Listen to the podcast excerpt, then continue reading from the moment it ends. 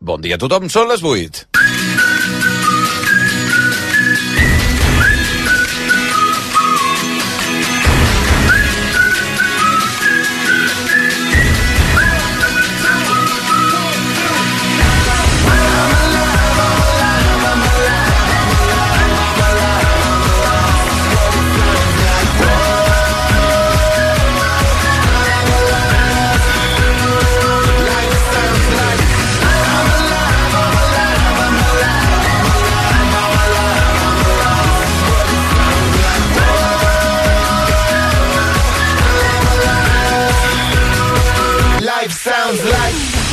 Què tal, com esteu? Benvinguts al Via Lliure en aquest matí de diumenge, dia 3 de març del 2024. Va que el sol ja ha sortit, fa gairebé 3 quarts d'hora des de Cadaqués en un dia que no s'ha de pondre fins poc abans de les 7 de la tarda al canal, altre punt del país. Mireu, abans de que us expliqui la resta de la informació, us he de donar una, una dada que els que no teniu un meteoròleg a prop, a prop és probable que no sapigueu.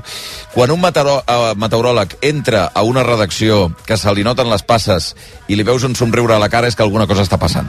Bé, Martí Oliveres ha arribat eh, fa més d'una hora a la ràdio somrient perquè efectivament estan passant coses amb el temps. Està plovent en algunes zones del país, està nevant en eh, àrees que no són tan, tan, tan habituals en què és notícia que nevi, eh, en àrees de 500-600 metres a aquesta hora del matí, a Osona, al Lluçanès, al Berguedàs, a la Selva, a la Conca de Barberà, a la Noia, està nevant a Vic a aquesta hora del matí, està nevant al Montseny, al Montserrat, a la Mola, està nevant a Taradell, està nevant en, en diversos punts, i en, i en alguns amb, amb certa intensitat, fins i tot amb la possibilitat que estigui agafant.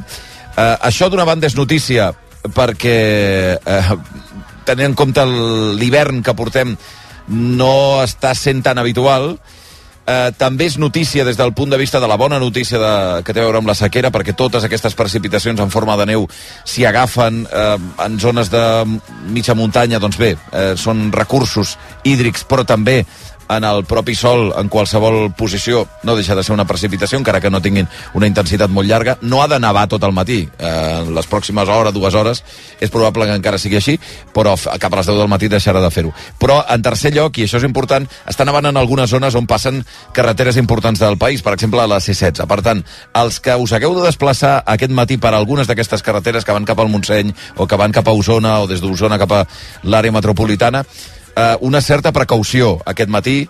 Eh, ja hem tingut episodis eh, amb anterioritat que una mica de nevada fent plaques de gel podien complicar la circulació, per tant, a aquesta hora la recomanació seria que aneu amb, que aneu amb, eh, amb compte. Eh, pendents d'aquestes nevades, insisteixo, que duraran poc, però que reclamen aquesta atenció especialment a la gent que es mogui en cotxe. Mentrestant, el tema del cap de setmana, i també en parlarem àmpliament aquest matí, és aquest cert silenci previ a que passi alguna cosa Junts per Catalunya i el Partit Socialista s'estan blindant des de fa hores per mirar d'aconseguir un acord per la llei d'amnistia. El rellotge està corrent, queda de temps només fins dijous, per tant hi ha un contrarrellotge claríssim, però les informacions que arriben estan apuntant a un acord amb més o menys imminència de les dues parts. Els analistes, avui si els, lleuge, els llegiu a la premsa, coincideixen han assenyalat tant Lola García a la Vanguardia com Carlos Cue, Carlos Cue al País que l'obertura de la causa al Suprem contra Puigdemont per terrorisme, lluny de boicotejar, lluny de bloquejar o complicar les negociacions o l'entesa, la podria estar accelerant. Ahir Puigdemont va parlar en públic, va parlar d'una nova etapa, cito textualment, nova etapa, cosa que ha fet pensar que el seu partit està decantant-se mica en mica en l'aprovació de la llei d'amnistia. I per altra banda, el PSOE assetjat aquesta setmana pel cas Coldo, després de la derrota electoral a Galícia, de les males perspectives eh, a tots els nivells, necessita immediatament un revulsiu que canvi el focus. Per tant, sembla que els astres o sobretot els interessos polítics es van alineant. Veurem, però si es produeix, quina és l'entesa, quina és la lletra petita i sobretot el relat, que en aquests casos és tan important, com quedarà l'acord, perquè sobretot Junts, en menor mesura també el PSOE, requeriran d'explicar als seus votants perquè ara sí que hi ha entesa i fa unes setmanes no. Què és el que ha canviat? Què és el que és tan significatiu eh, perquè finalment hi hagi un acord? I després del relat arribarà la concreció, si és que es produeix. Si hi ha llei d'amnistia, què passarà després que s'aprovi? Com els jutges l'aplicaran? I què passarà concretament si no s'incorporés el delicte de terrorisme dins de la llei? Podrà o no podrà tornar Carles Puigdemont? I si ho fa, serà detingut o no serà detingut? Es podrà presentar les eleccions eh, pròximament, per exemple, les europees, queda molt menys ja per saber-ho i avui evidentment en parlarem. Vinga, va, que passen 5 minuts de les 8, això és el Via Lliure de rac sou al territori del cap de setmana. Via Lliure, cada cap de setmana el programa més escoltat de Catalunya.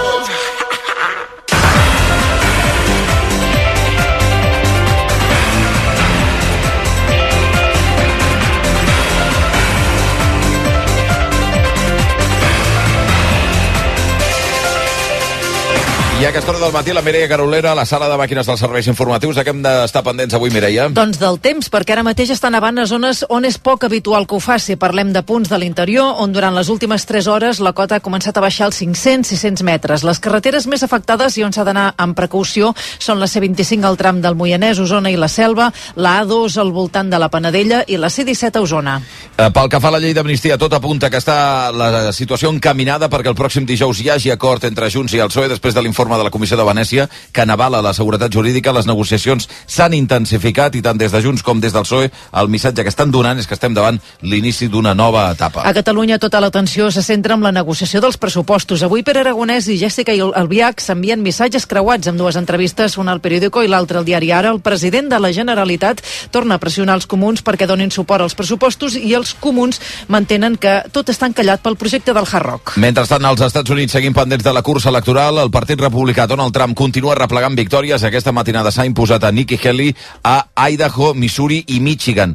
Uh, ara falta veure si s'assegurarà el lloc demà passat, que és el superdimarts electoral i on un terç de tots els estats nord-americans faran primàries, en aquest cas republicanes. Ahir la Generalitat va anunciar que hi haurà doblatge en català d'una de les pel·lícules més esperades aquest any, El regne del planeta dels simis. I avui, al Via Lliure, us podem avançar les altres pel·lícules que durant els pròxims mesos es podran veure doblades al català al cinema. Seran Garfield la pel·lícula, la segona entrega de Del revés i la quarta entrega de Gru, el meu dolent preferit. Esports, empat a dos polèmic del Real Madrid a Mestalla contra el València. L'àrbitre Gil Manzano ha xiulat al final quan Brahim centrava una pilota que Bellingham ha rematat a gol. Hauria estat el 2 a 3 i després ha expulsat el jugador anglès del Madrid per protestar. El Girona es pot acostar avui a 4 punts del liderat dels blancs si guanya el camp del Mallorca a partir de dos quarts de set i el Barça a 6 guanyant l'Atlètic Club a Sant Mamés a partir de les 9 de la nit. Ara són les 8 i 7 minuts. Arrenquem.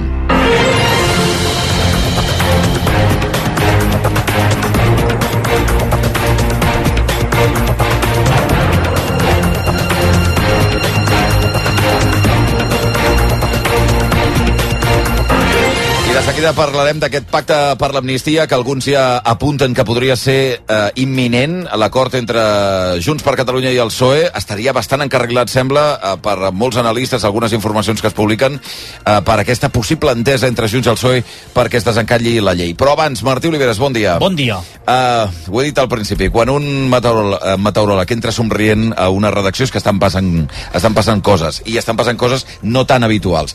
I estan avant. Ahir ho dèiem que hi hauria precipitacions en les eh, pròximes hores, ahir dissabte, que durant la nit hi hauria pluges eh, generalitzades al país, no amb una intensitat inusitada, però eh, amb alegria, per entendre'ns. I que podien haver-hi nevades. S'està produint això a aquesta hora del matí i en zones on no és, no és habitual. Eh, la nevada ha arrencat no fa ni 3 hores i a poc a poc ha anat baixant la cota. Depèn d'on sigueu, si obriu la finestra ho veureu ja. Eh, a indrets a l'interior del país tenim les primeres postals ja amb imatges del paisatge que comença a nevar a Vic, a Taradell, a Viladrau. Per tant, atenció a aquesta hora a la nevada a Osona, però també la Noia, perquè neva amb la, la Panadella, Calaf, Aquí la nevada pot afectar vies importants, estem parlant de la C25, l'eix transversal, la C17, la 2, també cal estar pendents de l'entorn del Montseny, el Vallès Occidental, també la zona de Montblanc, de les muntanyes de Prades. Ara mateix d'aquests punts repartits per l'interior del país, on està nevant amb més intensitat, Martí? Doncs sobretot al voltant del Moianès, Osona, Plana de Vic, es distribueix una mica en funció de la zona. En alguns punts, per sort dels 600-700 metres, encara hi està plovent, i en canvi, a punts de 450-500 metres cap al sud d'Osona, doncs ja està nevant nevant. Ens informen de neu a Centelles, a Tona, a Ceba, Viladrau, al Brull, a bona part dels pobles que encerclen a la capital usonenca, la ciutat de Vic, també Vic està nevant, a Espinelves, a Sant Hilari, Sacalma, aquesta zona de l'eix transversal compta zona més delicada perquè ja comencen a acumular 4-5 centímetres de neu, segons ens diuen des d'Espinelves, però també la zona del Moianès, a Collsospina, a tocar també Muntanyola, Santa Eulàlia de Riu Primer, Vidrac, Antoni Gros, tots aquests pobles més alts d'Osona i del Lluçanès, aquí la nevada ja està sent considerable. Per exemple, amb imatges destacables a Sant Bartomeu del Grau, per sobre dels 800 metres, o sí que la nevada està encallada en aquesta zona del prelitoral, muntanyes com el Montseny, també està nevant amb ganes a Montserrat, a la mateixa cota del Monestir, a 600-700 metres, no pas a baix a la vall del Llobregat, però sí doncs, que ho pot fer també a la Mola, de fet, està nevant en aquesta cota, el Montseny és una de les zones mm, fora del Pirineu on pot estar nevant més ara i que, per tant, durant el matí migdia d'avui és on pot haver-hi més neu acumulada i que parlar també del Pirineu, evidentment, en punts del Ripollès, de la Cerdanya, de l'Alt Berguedà, doncs la nevada ha estat destacable a la zona dels rasos de Peguera, a muntanyes com el Puigcalm, la Serra de Bellmunt, Guilleries, Collsacabra, un ull a les carreteres, sobretot si us heu de desplaçar cap a la Catalunya central, perquè encara queden un parell d'hores amb aquesta nevada moderada, no molt intensa, que ha d'anar perdent pistonada a partir de les 9. Per tant, creiem que a partir de quarts de 10 les 10 ja els ruixats han de ser molt més residuals, marxar cap a Maresme, a la selva, no és una nevada que arribi a la costa ni molt menys, sempre per sobre d'aquests 500-600 metres, esporàdicament s'ha vist nevar per sota, però també s'està acabant tot plegat, però compte, evidentment és diumenge, C17, C16, um, C25, la zona doncs, uh, de Mollà, Manresa, cap a Vic, uh, Sant Hilari Sacalm, si marxeu cap a Girona, compte, són carreteres fora del Pirineu que poden presentar complicacions. Ens, per tant, ens llevem a aquesta hora amb imatges que en alguns casos poden ser de postal. Ens estan ja arribant moltíssimes fotografies també de gent que és en diversos llocs de Catalunya i que, a més a més, com que no hi ha nevat gaire durant aquest hivern, ha estat un, un hivern molt, molt sec en aquest punt de vista, mm. eh, crida l'atenció perquè estem ja al mes de març, eh, però que ha de durar poc. Eh, fins i tot la impressió que fa aquesta hora del matí que són les 8 i que hi ha nevades eh, intenses en diversos punts, però que ens podem plantar a les 11 i les 12 amb un sol espategant al país. Eh? Sí, eh, canviarà de cop. És un canvi radical, entrarà el vent de mestral, és un front que marxa en puntualitat a mig matí i després ventada molt forta a les comarques del sud, Ebre, Camp de Tarragona, també sud de Lleida. La tramuntana està bufant amb molta força ja a la zona de Cap de Creus, eh, s'han superat els 100 km per hora. Avui és un dia molt delicat també per fer alta muntanya al Pirineu, amb un torb molt encès, amb temperatures per sota dels 10 graus sota zero, amb aquestes ventades, evidentment, la sensació se'n va per sota dels 20 graus sota zero, i molt bones notícies, més enllà de la neu, de la pluja, perquè ha regat tot el país, pràcticament alguns punts de les Terres de l'Ebre han quedat una mica al marge, però tenim de 15 a 20-25 litres per metre quadrat entre les comarques de la Selva, Osona, al voltant del Montseny, i també ha plogut amb moltes ganes a la zona de l'Empordà, tant a l'Alt com al Baix Empordà, amb 44 litres per metre quadrat a Roses, per tant, una aigua molt benvinguda, però avui, després de la neu, això a partir de les 10 quarts d'onze s'acaba aquest episodi de neu i entra un altre element, que és el vent, i aquí sí que haurem d'estar pendents de les ventades perquè a la zona de les Terres de l'Ebre, al Camp de Tarragona, Pirineu i Empordà, tenim avisos del Servei Meteorològic de Catalunya per tot plegat, també per estat de la mar, és un diumenge delicat que haurem d'estar pendents d'aquestes ventades que bufaran sí que és veritat en zones més habituals però eh, que poden presentar doncs, algunes, algunes coses. Una mica de, de tot. Neu, eh, gel en algunes zones, eh, ventades, sol, eh, pluja, per tant és un diumenge intens des d'aquest punt de vista. Pel que dèiem del, del trànsit, ens informen que de moment només és obligatori dur cadenes en carreteres de muntanya. Al Pirineu, no hi ha avisos que sigui obligatori dur-les en carreteres d'aquestes zones on estan avant ara, tot i que ara mateix ja hi ha retencions a la C25 a l'est transversal entre Vic i Sant Hilari Sacalm en tots dos sentits, evidentment n'estarem pendents per anar-ho actualitzant, o alguns avisos ja de trànsit que a Matadepera, per exemple, la BB baixa 1221 hi ha neu i, o gel a la calçada. Per tant, amb aquestes nevades que s'estan produint a, unes cotes baixes i tenint en compte els antecedents d'aquest gener i febrer que pràcticament no ha nevat ni ha plogut, eh, bé, doncs són notícia a aquesta hora del, del matí. Nevada, aquesta que diria, Martí, forma part d'un temporal que està creuant la península ibèrica, que ja hi ha hagut complicacions importants en carreteres, en aquest cas a Madrid, a Castella Lleó, Astúries, l'Aragó. És un front que ha portat neu, però també vent i també pluja a moltes zones, no? Sí, aquesta nevada que ha arribat a pràcticament tota la maceta, per sobre dels 600-700 metres en capitals com Burgos, a León, Àvila, també ahir doncs, nevava a l'interior d'Astúries, poc per sobre dels 300-400 metres, per tant, precaució si sou en aquesta zona d'Espanya, de, perquè les precipitacions encara poden aparèixer en forma de neu, tot i que ja tenim la meitat sud d'Espanya amb un bon sol previst per aquest diumenge. Per tant, aquest canvi que ens ha d'arribar en qüestió d'un parell o tres d'hores també aquí, ja va marxant, tret del Cantàbric, on encara està plovent en el cas del nivell del mar, o nevant a la serralada cantàbrica, a Navarra, tot el que és el Pirineu aragonès, també la nevada ha estat doncs, destacable en algunes zones, després ha de marxar, o sigui que eh, ja tenim a les acaballes aquest temporal de pluja i neu, però que sí que es queda el vent i l'ambient fred a, a tot el país. Gràcies, Martí. A tota la gent que ens vulgui donar informació, si, si hi ha algun tipus d'incidència derivada d'aquestes nevades, insistim que no han de ser nevades d'una intensitat extraordinària, però sí que tenint en compte que no ha nevat ni pràcticament ha, ha plogut en els últims dos mesos en ple hivern, doncs són notícia, però que poden afectar, com dèiem, el trànsit en alguns punts. Si teniu informació, tenim el, algun tipus d'incidència, ho feu saber a través de les vies habituals, uh, via lliure, arroba via lliure a través de Twitter, el correu electrònic via lliure arroba o a través del 902 4777. Un quart de nou del matí.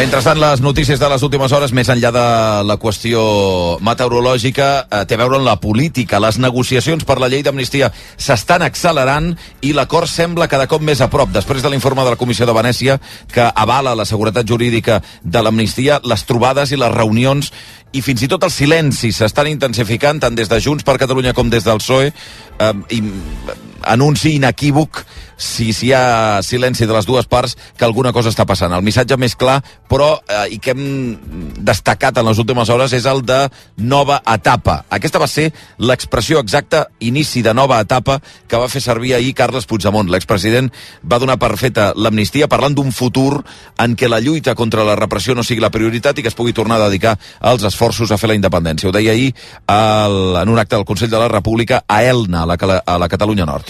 Aquesta nova etapa és una etapa en què haurem d'aprendre a no posar la lluita antirepressiva com a la prioritat. Mireu què us dic. I a poder destinar els recursos econòmics, materials, al servei de la independència. No havent de defensar que evidentment ho haurem de continuar fent, evidentment, però la prioritat ja no pot ser aquesta. Nova etapa, l'inici de nova etapa per la Carles Puigdemont. Quan es pot produir, quan es pot anunciar aquest acord què inclourà aquest acord? Això, evidentment, no ho sabem, però tot indica que, evidentment, s'ha de produir abans de dijous, que és la data límit per eh, trobar una entesa sobre el redactat d'aquesta llei. Ni Puigdemont ni Junts oficialment donen l'acord per tancat encara, però el que és evident és que és més a prop ara que fa una setmana per dos elements que han estat clau i que avui bona part de la premsa ho revisa. El primer, l'aval jurídic que n'ha fet la Comissió de Venècia divendres a la tarda, ja en parlàvem, però l'altre, com explica Carlos el País, és la pressió que està exercint la justícia espanyola, el Tribunal Suprem en particular, quan vam saber el plantejament d'investigar Carles Puigdemont per terrorisme, perquè, segons Cué, lluny de complicar l'entesa l'ha acostat. Ni tan sols el, cal, el cas Coldo de presumpta corrupció ha enterbolit les negociacions perquè totes les parts admeten que l'alternativa al govern d'Espanya actual seria encara pitjor. Entrant en el que s'està tractant a la taula entre PSOE i Junts, els socialistes han acceptat finalment, haurien acceptat finalment canvis a la llei que no tocarien el que ells consideren el moll de l'os, que és garantir que no pugui ser tombada ni pel Constitucional ni per la justícia europea, i Junts també s'ha obert a la negociació. Tal com ho veu el PSOE, el terrorisme no pot ser amnistiat en tots els supòsits. Cué diu que si Junts acaba acceptant no creuar aquesta línia a canvi d'altres solucions jurídiques, cito textualment, per reforçar les garanties de l'amnistia, el pacte estarà fet. Els socialistes també volen que els de Puigdemont entenguin que no hi ha cap, cap fórmula legal que pugui impedir al 100% que els jutges puguin continuar eh, complicant eh, i no aplicar ben bé l'amnistia com, eh, com crea el legislador. També és molt interessant la lectura que en fa avui Lola Garcia a La Vanguardia, que entra en el demà de Puigdemont. Què farà si la setmana que ve s'aprova l'amnistia? Tornarà, encara que l'acusin de terrorisme i això no estigui inclòs, finalment, a la llei d'amnistia? I si torna, acabarà sent detingut, no serà detingut. Segons Lola Garcia, el pla de Puigdemont podria passar per un retorn puntual, simbòlic, un cop entri en vigor la llei, que això ja és eh, més endavant, és el mes de maig, juny, eh, un, un retorn, com deia, simbòlic per després tornar a Bèlgica i així evitar ser detingut per terrorisme. I assenyala una possible data per aquest retorn, la primera setmana de juny, que és quan podria publicar-se la llei d'amnistia al BOE, al butlletí oficial de l'Estat, i a les portes també de les eleccions europees, que són el dia 9 de juny, en què Puigdemont serà, sembla, el candidat de Junts. Tot plegat, però, diu Lola Garcia, depèn del sí de Junts a l'amnistia. Un sí que estaria molt a prop després del discurs d'ahir de l'expresident que va ser a punta un punt d'inflexió en l'estratègia del partit. Mentrestant, continua la pressió també d'Esquerra perquè eh, Junts aprovi l'amnistia. Avui en parla Pere Aragonès, per exemple, al periòdico, el president de la Generalitat li posa pressa al partit de Puigdemont. Ara tenim una oportunitat que és la llei d'amnistia i per tant no abaratim aquesta eina. Aprovem-la el més aviat possible i que sigui sòlida, que sigui robusta, que pugui passar tots els filtres també de la justícia europea i per tant garantir-ne l'aplicació i és l'eina que tenim i no l'hem de, de desaprofitar. I aquesta pressió a Junts per donar suport a la llei també arriba del PSC. Salvador Illa insisteix que el text és ferm i s'escuda les conclusions de la Comissió de Venècia. Nosaltres fem sempre cas a la Comissió de Venècia. Quan deia que no es complien els estàndards per la consulta que es va fer, consulta fake, 1 d'octubre, i avui, que diu que va llei d'amnistia, la llei per la normalització i la reconciliació de Catalunya és una llei que compleix els estàndards. En canvi, qui no ha badat boca en les últimes hores, i això també és significatiu, d'això també se'n poden extreure conclusions, és Pedro Sánchez. El president espanyol és a Itàlia a la trobada amb la resta de socialistes europeus. I ahir molts esperaven alguna referència sobre l'amnistia o sobre aquest informe de la Comissió de Venècia, però Sánchez no va mencionar ni una cosa ni l'altra i es va limitar a fer un discurs institucional en clau europea posant el focus en les amenaces de l'extrema dreta. Qui sí que en va parlar des de Roma va ser Pachi López, que creu que l'informe torna a demostrar que la llei de l'amnistia serà útil per unir a Espanya. Corresponsal de RACU a Roma, Ana Buch, bon dia. Bon dia. El PSOE va aprofitar per treure pit de la llei d'amnistia i de l'informe de la Comissió de Venècia. En va parlar el portaveu al Congrés, Pachi López, que va dir que amb aquestes conclusions el PP hauria de callar i tenir una mica més de vergonya. Des de Roma, López advertí que l'informe desmunta les mentides als populars. Es un informe que vuelve a desmontar otra de las mentiras, otra de las hipérboles con las que el Partido Popular se ha manejado en toda esta cuestión. Se ha vuelto a demostrar que la ley de amnistía, lejos de romper España, lo que hace es unirla. Se ha demostrado que lejos de eh, cargarse la separación de poderes es absolutamente respetuosa. Lo mismo que es absolutamente respetuosa con la propia Constitución. Tot això al marge d'un congrés dels socialistes a Roma per proclamar el seu candidat per les europees. Es tracta de Nicolás Smith, un comissari europeu de segona fila que intentarà disputar la comissió a Ursula von der Leyen. Un dels més aclamats va ser Pedro Sánchez, que es va oblidar per unes hores de les tensions polítiques a Espanya per fer un discurs on va advertir del perill del creixement de l'extrema dreta a Europa. 8 i 22.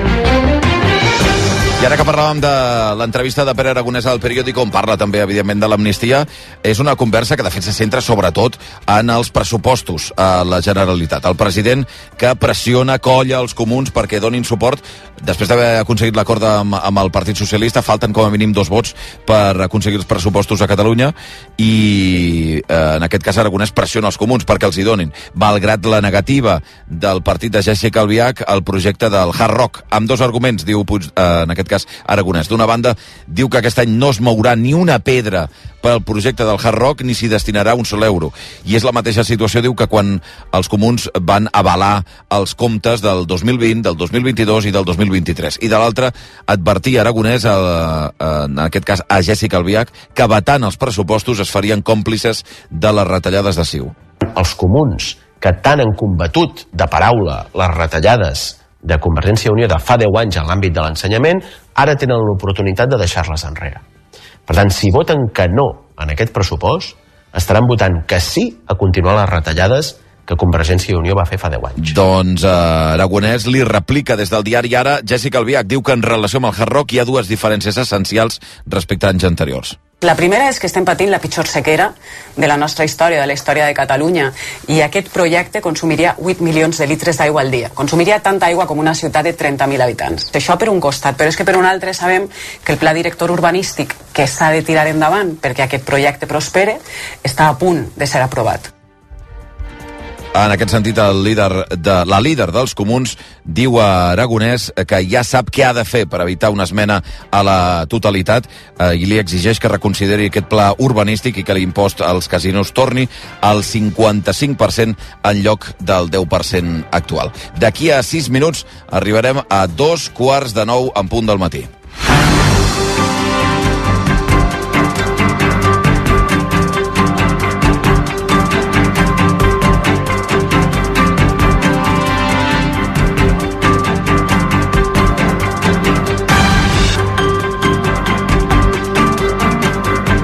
Minuts i arribarem a dos quarts de nou en punt del matí. Si us en vau anar a dormir d'hora, per cert, us vau perdre un final d'un partit apassionant que deixa potser oberta la Lliga.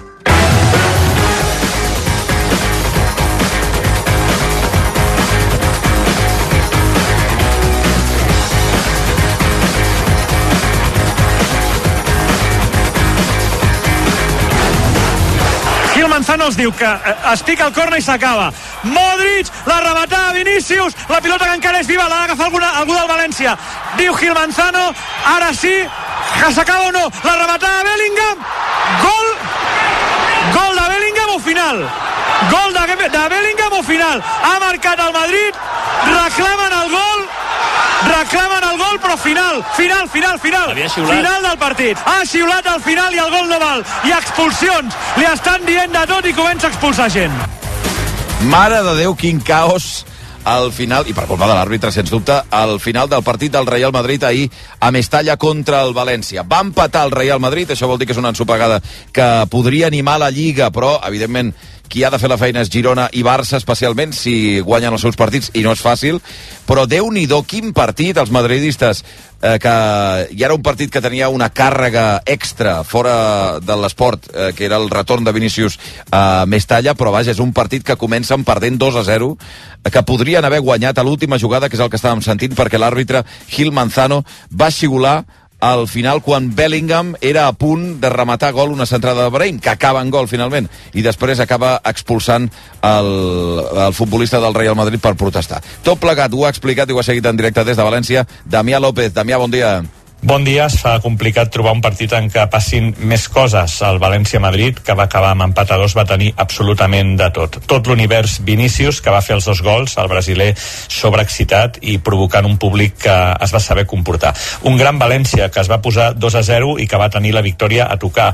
Un Madrid que no passa pel seu millor moment, però que va ser capaç d'empatar i gairebé guanyar. Una lesió esgarrifosa, la de Diacabí, al genoll, i el show particular de Gil Manzano. Un penal xiulat a favor del València que no era i que va haver de rectificar. I finalment, la mare de totes les traques. En l'última acció del partit, corna a favor del Madrid. Gil Manzano indica que després del corna xiularà al final.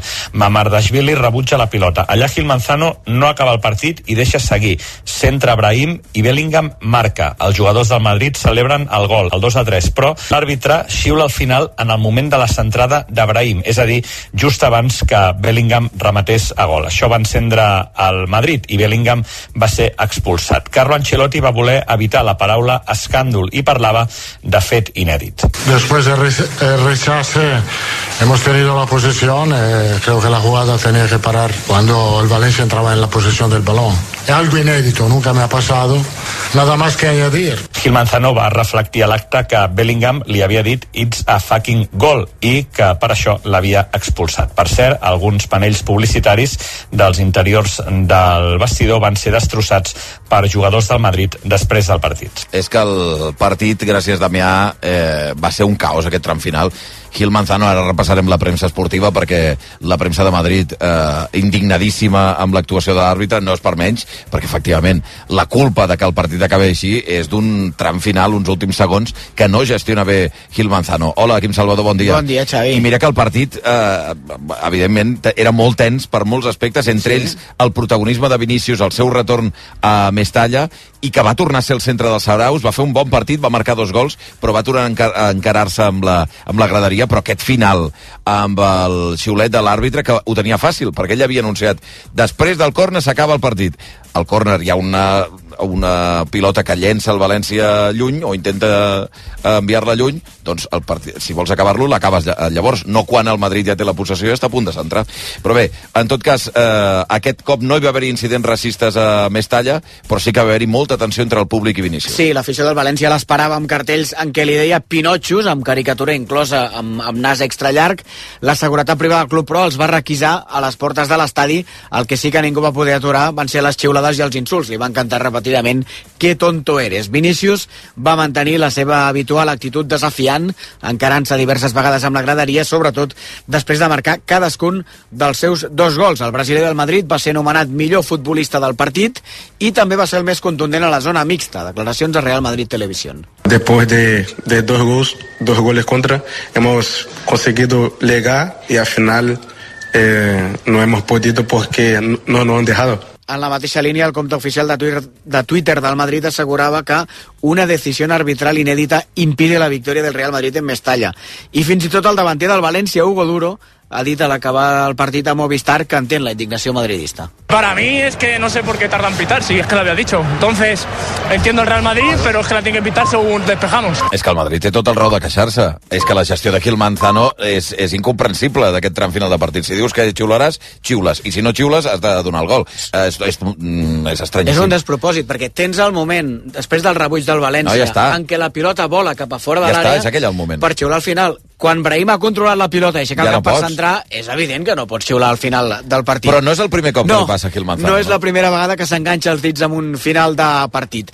El 2017, en un precisament Real Madrid-Màlaga, Gil Manzano va xiular al final de la primera part en una jugada calcada que després acabava amb gol dels andalusos, del Màlaga. En aquell cas va salvar el Madrid d'encaixar un gol. I la temporada passada el Valladolid va ser víctima d'una jugada molt semblant en un partit contra l'Atlètic de Madrid. Ara, amb, tal com ve la temporada, eh, de pressió arbitral per totes bandes, sí, sí. rerefons de cas Negreira, la campanya de Real No, no. Madrid Televisió, evidentment tot això afegeix eh, benzina al foc. Espera't aquesta setmana, el Real Madrid Televisió. Bé, el que sí que veiem és la premsa esportiva avui de Madrid carregant molt durament contra l'àrbitre Gil Manzano. Sí, llegim a la portada del Marca Escándalo en Mestalla, el pitido final de Gil Manzano, un error inaudito contra la naturaleza del juego. La crònica del partit en pàgines interiors es titula Gil Manzano la ha liado parda i a la contracrònica també el titular és Gil Manzano eclipsó hasta a Vinicius. A l'Asno s'hi posen per menys. Escándalo de campeonato. Gil Manzano pita al final un segundo antes que Bellingham marque el 2 a 3 y le expulsa después por sus protestes. Això a la portada i en pàgines interiors. Gil Manzano silva i canta. Aquest és el titular de la crònica del partit. I ho remata la columna d'opinió de Tomàs Roncero que es titula Liga adulterada. Citant el que van dir fa setmanes des de Can Barça, Xavi Hernández i Joan Laporta, diu Roncero, desviaron la diana del caso Negreira y crearon un clima que ha terminado pasando factura al Real Madrid.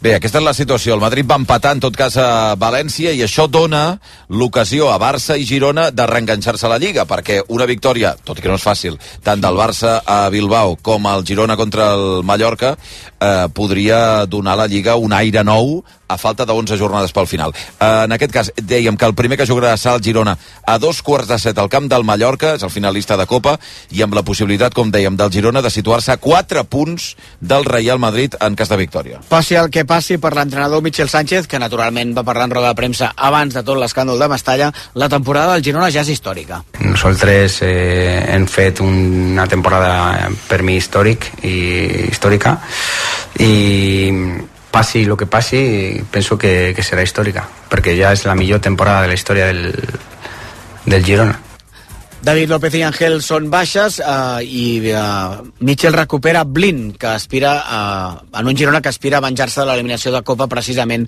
a mans del Mallorca fa poc més d'un mes. Xiularà Hernández Maeso amb Monuera Montero al bar. Vejam si demà no ens n'hem de recordar. I després del Girona, Estorp pel Barça, és el partit de la jornada, sens dubte, partit eh, partidàs i duríssim.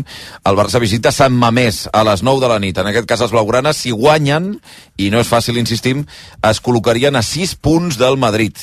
També a casa d'un finalista de Copa que també és l'equip que va eliminar el Barça de, de la Copa del Rei com en l'altre partit del Mallorca amb el Girona.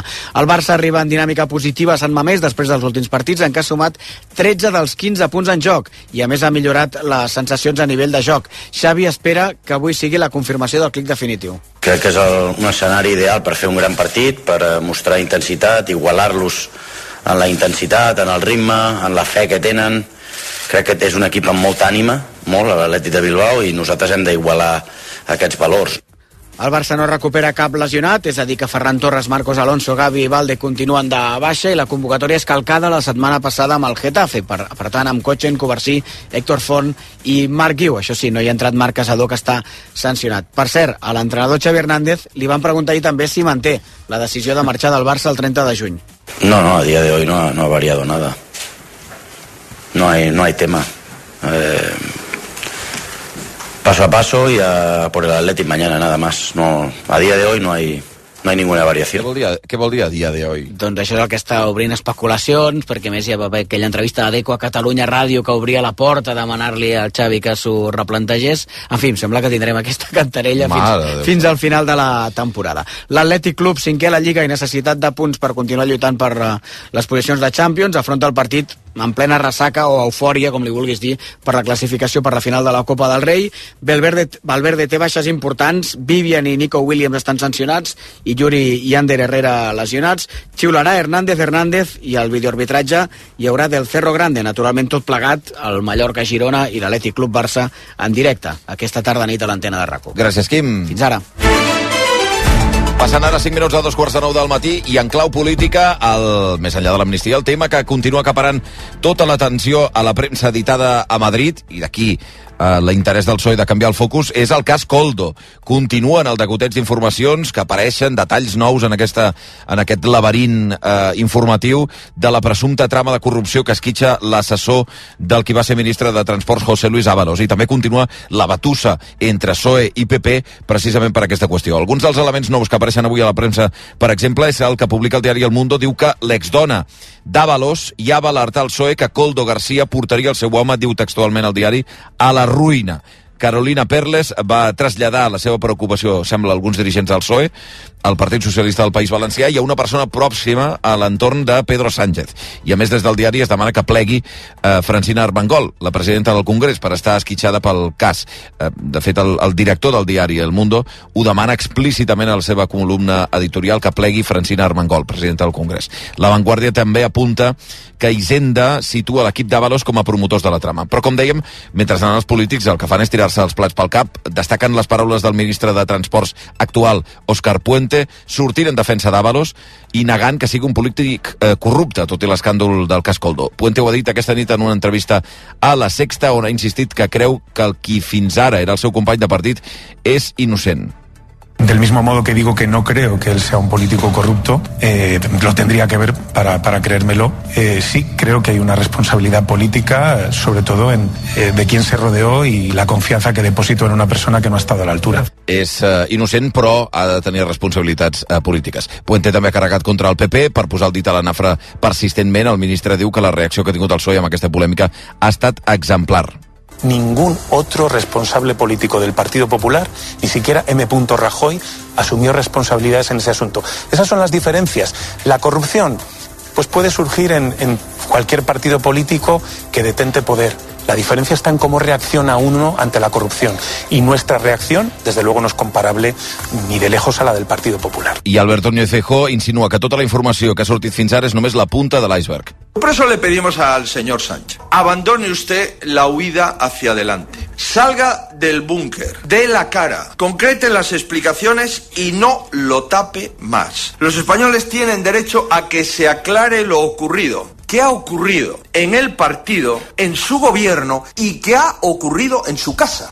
Feijóo, que també assegura que aquesta trama acabarà esquitxant altres dirigents socialistes i no només l'exministre de Transports. 8 i 37 minuts, hi ha una setmana, avui és dia 3 de març, eh, diumenge que ve serà dia 10 de març, a una setmana per tant perquè es compleixin 20 anys de l'11M, Avui Jordi Évole dedica el seu programa a la sexta als atemptats a Madrid de l'11 de març del 2004. Para mí, desde luego, es más importante que el 23F. Se quebraron muchas cosas este día. Ahí empezó el gen. Lo de Évole reunirà periodistes com José Antonio Zarzalejos, aleshores director de l'ABC, Iñaki Gabilondo, Mamen Mendizábal, tots dos a la cadena SER, eh, o, com sentíem eh, en aquests moments, eh, en Puigbó, que era, el, el, en aquest cas, el, el presentador del diari del telediari de televisió espanyola. Parlaran de la cronologia dels atacs, de com van actuar els polítics d'aquell moment, pressionant els mitjans, per exemple, amb les trucades d'Aznar, i en definitiva recordaran els 20 anys de l'atemptat més mortífer de la història de l'estat espanyol. El programa d'avui és la primera part i diumenge que ve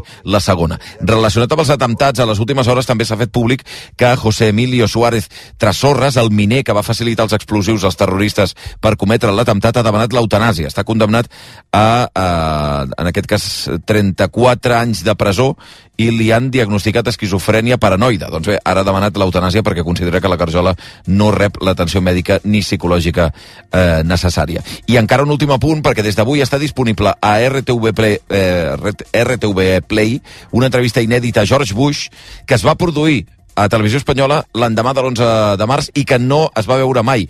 Conversa amb el periodista Lorenzo Milà que no es va arribar a emetre i de la qual amb prou feina se'n saben detalls. Com dèiem, està disponible a internet i dimarts s'emet a la televisió a poc abans de dos quarts de deu de, de la nit. Una entrevista que no va interessar a Televisió Espanyola emetre, insistim, el president dels Estats Units, a George Bush, perquè parlava de la possibilitat que fos Al-Qaeda en aquell moment. Mm, Per tant, la manipulació informativa que es va produir a Televisió Espanyola aquests dies va ser immensa. Sobretot plegat en parlarem avui cap a les 10 del matí amb el Jordi Évole en temps de tertúlia al costat de Carles Fernández, Sara González, Ivanguera i Milagros Pérez Oliva. I parlant de records, 20 anys de l'11 de març i 50 anys de l'assassinat de Salvador Puig Antic. Les germanes del revolucionari reivindiquen el seu llegat i reclamen que les autoritats espanyoles revisin el judici de guerra que el va condemnar a mort. Ho van fer ahir coincidint amb el 50è aniversari de l'execució a la Model. Puig Antic, recordem, va estar tancat 5 mesos a la presó Model i va ser l'últim pres del franquisme executat amb el Garrot Vil. Les seves germanes el van acompanyar en els últims minuts, en les últimes hores, i ahir aquí al Via Lliure van recordar com ho van viure. Imma Puig, eh, Imma Puig Antic, va explicar que li hagués agradat eh, donar la mà en el seu germà en el moment de l'execució i va assegurar que estava eh, havia planificat com ho faria si li deixaven. el que em fotia més és que el matessin amb tot de gent que l'odiava. I això no podia suportar. No podia. El que jo tenia clar és que no ho volia veure. Llavors jo pensava que em posaria d'esquena a ell però li donaria la mà. Però jo d'esquena De fet, quan l'Imma es va acomiadar d'en Salvador Puig Antic per darrera vegada encara no sabia si l'acabarien executant. Això sí, recorda quines van ser les últimes paraules que es van dir. ell ens va dir adeu xiquetes fins aviat Aquesta és la frase última Sí. que sents del Salvador. i nosaltres vam dir i ell fins i tot va dir si arriba l'indult a mi em traslladaran a, a Càdiz i jo li vaig dir tranquil siguis on siguis nosaltres amb, un autocar venim A la conversa molt recomanable que vam tenir ahir a l'estudi també hi va participar Magda Urani, que es va implicar en l'equip de defensa del militant anarquista i que va explicar fins a últim moment els advocats van fer mans i mànigues per aconseguir l'indult franquista. Vam trucar, vaig trucar a Nacions Unides, vam parlar amb el Vaticà, jo què sé, era ja a l'estat aquest que anàvem trucant i trucant i trucant. Era un estat de nervis, com dius, però és veritat que ja sabíem eh, que el anaven a matar, però esperaves que a l'últim moment hi hagués, Passés hi alguna hagués cosa. alguna cosa, perquè clar, Doncs ahir, quan passaven 10 minuts de dos quarts de 10 del matí, coincidint amb el dia i hora que van assassinar Puig Antic, un centenar de persones el van homenatjar precisament a la presó model. Entre ells, molts referents de la lluita antifranquista, Aurora Rodríguez. L'acte va servir per recordar el jove executat el 2 de març de 1974. Va estar carregat d'emoció, sobretot durant un dels discursos, el que va fer Adoni González, que va recordar com va passar 5 mesos empresonat al costat de Puig Antic. I era sombrós. La tranquil·litat i serenitat en què parlava. I és a dir, que la paraula execució a mi em costa acceptar-la, perquè no el van executar, per mi que jo que el van assassinar, el van assassinar. El líder de l'Associació de Represaliats del Franquisme, Jesús Rodríguez Barrio, va exigir reparacions per a les víctimes del règim. Esperamos que algún día, junto a todas las víctimas del franquismo, puedas recibir la justicia que te mereces. Tus asesinos ya están en el basurero de la historia y tú estaràs sempre en nuestra memoria. L'homenatge va acabar amb una ofrena floral a la sala de paqueteria de la presó, que és on fa 50 anys el règim franquista va executar Salvador Puig Antic. Pràcticament d'aquí dos minuts seran tres quarts de nou del matí. Aquest matí que haurem d'estar pendents de l'afectació possible, si és que se'n produeix per la neu a les carreteres. Ja no hi ha talls de protesta dels pagesos. L'últim a aixecar-se va ser de l'autovia 2, que ahir al vespre va quedar desbloquejada al pas per Targa, després de cinc dies de tall. Això sí, els pagesos avisen que tornaran a ocupar les carreteres si el govern no aplica els acords que han encarrilat els darrers dies amb el conseller David Mascort. En espera de veure com se soluciona tot plegat, un altre dels problemes amb què es topen els pagesos és la quantitat de robatoris als seus camps. Segons ha pogut saber rac amb dades dels Mossos, el 2023 hi va haver-hi més de dos casos diaris, 750 robatoris en un any a explotacions agrícoles no ramaderes. Els lladres els hi vispen la collita, però també maquinària, segadores, sembradores i tractors. Els punts negres són especialment Ponent i les comarques de Tarragona, on els delictes més violents s'han duplicat en 4 anys. I el sector creu que ara que les administracions s'han assegut per negociar, cal que també posin el fil a l'agulla amb aquest tema, Adrià de les Heres. Unió de Pagesos assenyala que darrere de l'augment dels robatoris en força hi ha bandes organitzades. El responsable de Medi Rural del sindicat, Carles Vicente, reconeix que es tracta d'un problema que viuen amb inquietud. Ara són persones que s'estan, diguem, professionalitzant, que ja no estem parlant de robatoris de sacs de garrofes o sacs d'avellanes. Per tant, això és molt perillós, doncs perquè vivim aïllats a vegades en masies, te poden acabar eh, extorsionant amb all... o sigui, hi ha por. El sector insisteix que aquestes dades només són la punta de l'iceberg perquè no inclouen els robatoris de caps de bestiar. Els ramaders asseguren que són víctimes d'una onada de robatoris sense precedents. Ho explica Racó la Carme, de Cabra del Camp, que fa poques setmanes en va ser víctima. Vull dir, jo no havia sentit mai tampoc que robessin ovelles, saps? És que, dius, és que no ho sé. Jo, ara, jo des d'enguany que ens van robar altres i que he anat sentint ramaders de, de la vora, de la conca, de l'Alcamp, mai però bueno, no sé, enguany ha sigut com un pum. Pagesos i ramaders exigeixen mesures contundents per evitar que la collita i ramat que els roben s'acabin venent a magatzems il·legals. Abans us parlàvem de les pluges d'aquest matí, de les nevades. Els experts demanen a la Generalitat al voltant de la sequera que abordi ja la tala de boscos per afrontar les afectacions del canvi climàtic. A banda de tot el pla de sequera, avisen que cal un canvi de model agrícola al país i començar a projectar quines masses boscoses s'han de uh, reduir o directament eliminar, entre altres per la situació de l'abandonament del camp. Són més arbres, xuclen més aigua i això ha coincidit també amb una baixada dràstica de les pluges i, per tant, de l'aigua disponible, com explicava RAC1 el doctor en Ecologia per la Universitat de Barcelona, Narcís Prat. Però més que en lloc de morir-se tots els arbres per sequera, no se'n mori cap perquè tu n'has tret la meitat i els altres tenen més aigua. Qualsevol pluja de 20 litres que caigui tranquil·lament a sobre el territori no genera ni un litre d'aigua en el riu actualment perquè tenim totes aquestes grans biomasses de boscos, no? Un exemple és la pluja o la neu d'aquest matí, perquè amb els registres actuals sembla, Aurora, que la majoria quedarà al bosc i no arribarà cap embassament. Un altre dels perills de tenir tants boscos amb la sequera és el risc d'incendis. Pel director del Centre de Recerca Aplicada en Hidrometeorologia de la UPC, la perillositat encara pot créixer més els pròxims anys. Daniel Sampere ho ha explicat a RAC1. Tot això creujarà el perill d'incendis aquest any parlem de sequera, l'any vinent poder és d'incendis o d'inundacions, tot està lligat.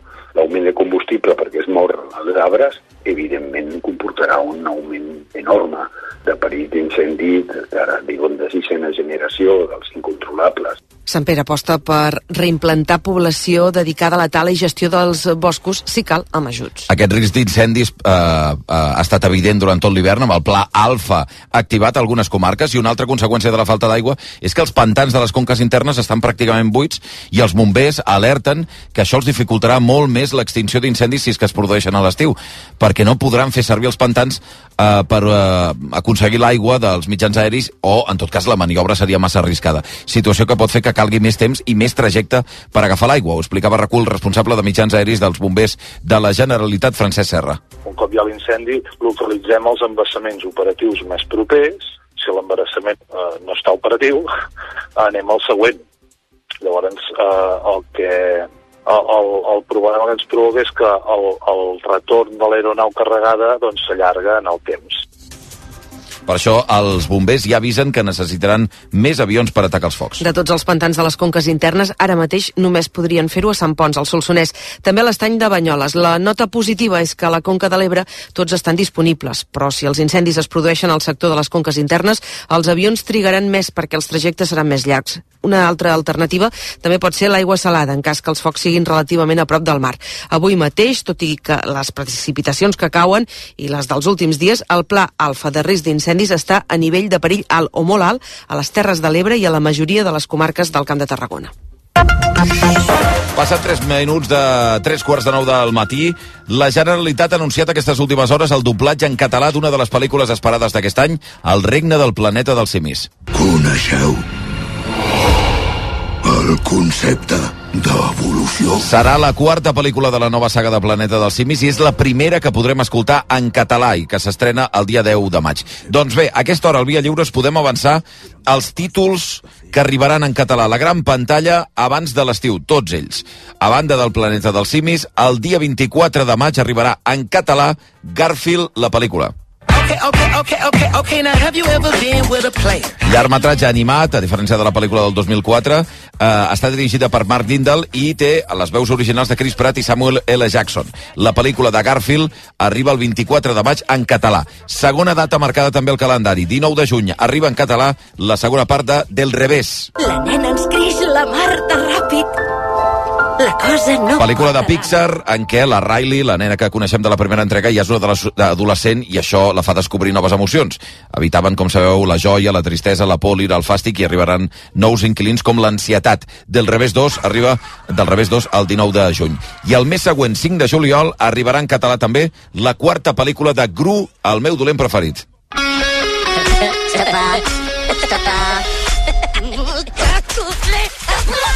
Pel·lícula, en aquest cas d'Universal Pictures, dirigida per Chris Renault, eh, de nou amb la vida de Gru eh, i que coneix un nou membre de la família, Gru Junior. Aquesta pel·lícula arribarà en català també el dia 5 de juliol. I a part dels títols que us estem explicant, ja s'havia fet públic el 8 de març s'estrena en català Kung Fu Panda 4 i l'1 de maig arriba als cinemes Red, de Pixar, que s'havia estrenat en català també a Disney+. Plus.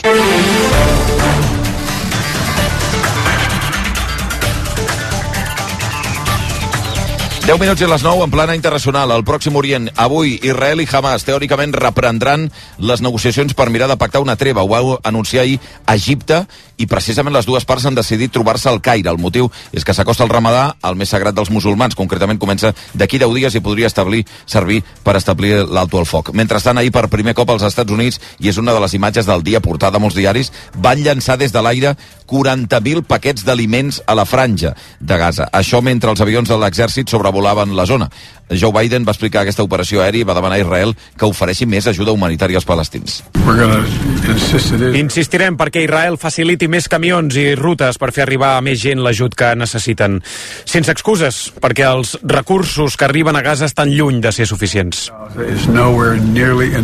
Més enllà dels Estats Units, l'atac de l'exèrcit hebreu contra centrals de palestins que feien cua per aconseguir menjar també ha generat una nova onada de condemna internacional. El cap de la diplomàcia europea, Josep Borrell, ha titllat d'injustificables els tirotejos contra els civils que es van produir dijous. Massacre que, recordem-ho, va deixar com a mínim 115 morts més i més de 700 ferits.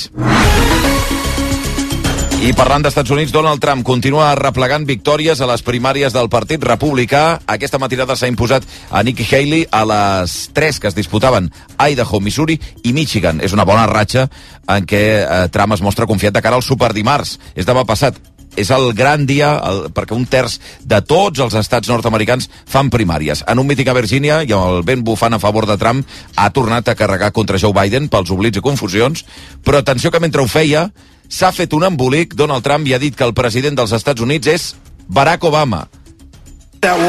Aquesta guerra s'ha d'arreglar, és una guerra dolenta i Putin ja ho sabeu.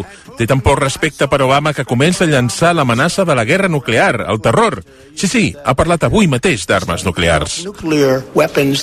Obama, eh, relliscada de Trump que coincideix amb un nou sondeig electoral del New York Times que el situa en molt bona posició de cara a les presidencials del novembre perquè, segons el New York Times, si les eleccions fossin avui, el 48% dels encastats es decantaria per Trump per un 43% a Biden.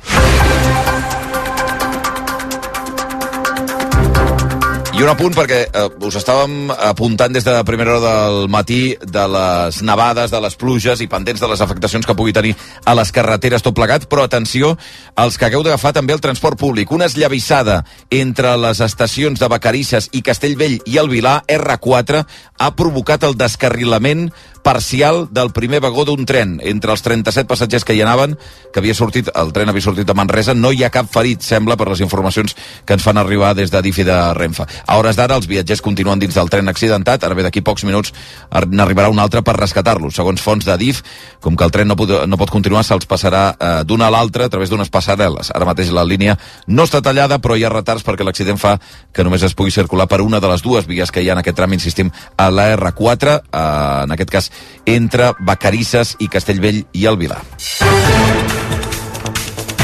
7 minuts i les 9 a l'Índia. Les autoritats han detingut tres persones per la violació d'una dona espanyola d'origen brasiler que era de viatge al país amb el seu marit. Tots dos ho han explicat a Instagram, on tenen un compte amb gairebé 140.000 seguidors en què comparteixen les travesses que fan pel món. Vídeo, eh, el vídeo hi apareixen amb ferides molt visibles a la cara. Expliquen que la dona la van violar set homes i que també van agredir el marit, a qui també van amenaçar de mort amb un, ganivet, amb un ganivet al coll.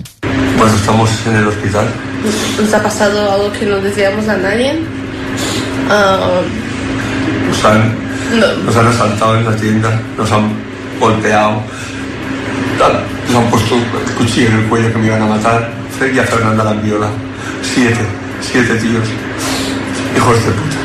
Ara estan rebent atenció mèdica en un hospital local a la Índia. Les autoritats han lamentat l'agressió i asseguren que els culpables tard o d'hora entraran a presó. 6 minuts i arribarem a les 9 del matí. De seguida farem la resta dels esports i la informació cultural, però abans, l'incendi dels dos blocs de pisos de València fa ara 10 dies ha posat sota sospita, com sabeu, l'ús del poliuretà com a aïllant pels edificis. Va ser un dels primers materials que es va assenyalar com a culpable del foc i això ha fet que algunes empreses que es dediquen al sector hagin començat a tenir cancel·lacions. La majoria clients que tenen un pressupost que inclou el material per la façana i que ara mateix han decidit tirar endarrere la comanda per por que els pugui passar el mateix, Judit Vila. Sí, per això els empresaris del sector neguen que el poliuretà tingui res a veure amb el que va passar a València i ara fan mans i mànigues per explicar als seus clients que no hi ha risc si es segueixen tots els protocols. Ho explica RAC1 Miquel Villarroia de l'empresa Ter Polar Aïllaments. va calar en la ment de molta gent i ens està afectant doncs, amb anul·lacions, anul·lacions de comandes que ja teníem inclús preparades per anar a fer, doncs perquè la gent hi ha agafat por i ara ens toca passar-nos el dia desmentint El que sí que veuen amb bons ulls les empreses és que es puguin fer revisions per evitar episodis similars. En parla a RAC1 Daniel Juscafressa, gerent d'Ignifugacions Generals. que tothom agafi un arquitecte i pugui fer un estudi sabent més o menys el, el, el, tipus de, de recorriment que pugui haver en una façana i que pugui fer una mica l'estudi del que hi ha, a veure si es pot saber una mica quin tipus de material té i si té certes garanties. Un grup d'analistes es reunirà per primer cop dimarts per començar a fer un mapa de finques amb característiques similars a les de València. 5 minuts i arribarem a les 9 del matí. De seguida anirem amb la resta dels esports i la informació cultural, entre altres, del Festival de Cinema de Màlaga i l'agenda de concerts del dia.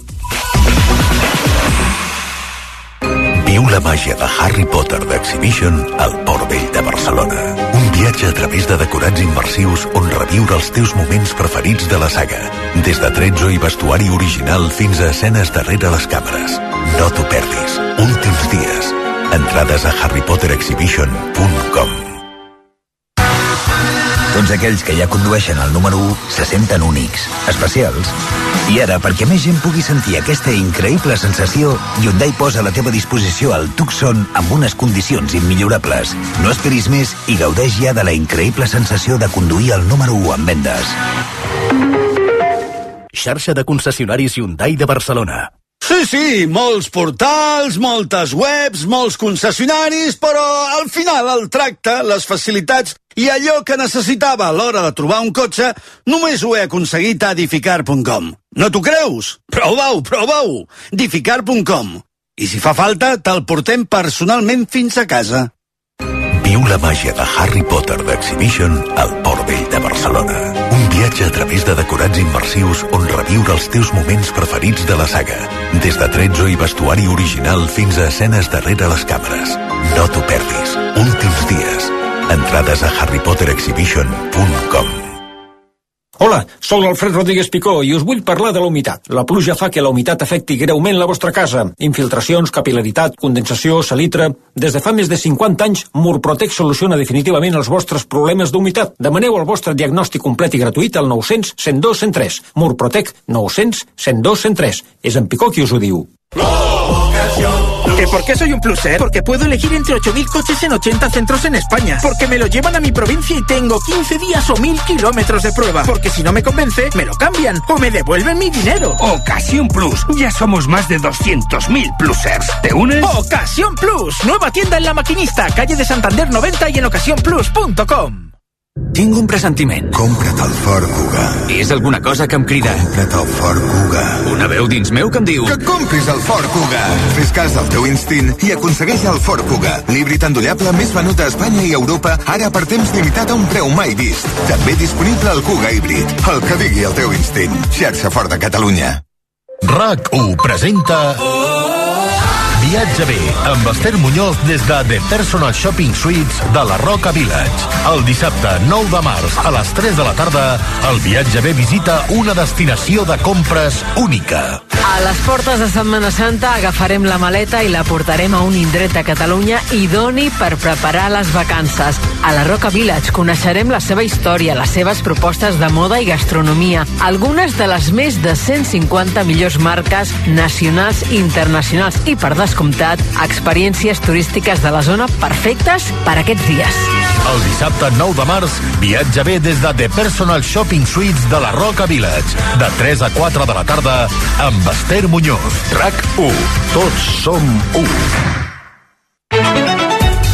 Un minutet i arribarem a les 9 del matí. En plana cultural, la producció catalana Pájaros es reivindica com la principal, eh, la primera gran candidata a endur-se a algun premi al Festival de Cinema de Màlaga. ¿Qué tal, Luisa? Soy yo. A ver, Colombo, te van a llevar de Pel·lícula de Pau Durà que arriba als cinemes el dia 5 d'abril, que es va estrenar ahir amb crítiques prou positives, sobretot per les interpretacions dels protagonistes, de Javier Gutiérrez i Luis Zaera. Aquesta road movie, la pel·lícula que es diu Pájaros, eh, que du el nom eh, que porta els dos personatges a recórrer mitja Europa. Més detalls amb l'enviat especial de RACU a Màlaga, Eudal Martínez. Bon dia. Bon dia, un viatge que els dos protagonistes inicien amb l'excusa de seguir el procés migratori d'uns ocells, les grues. De seguida queda clar, però, que al darrere d'aquella escapada s'hi amaga alguna cosa més que l'interès per l'ornitologia. Gutiérrez i Zaera demostren a Pájaros el seu estat de gràcia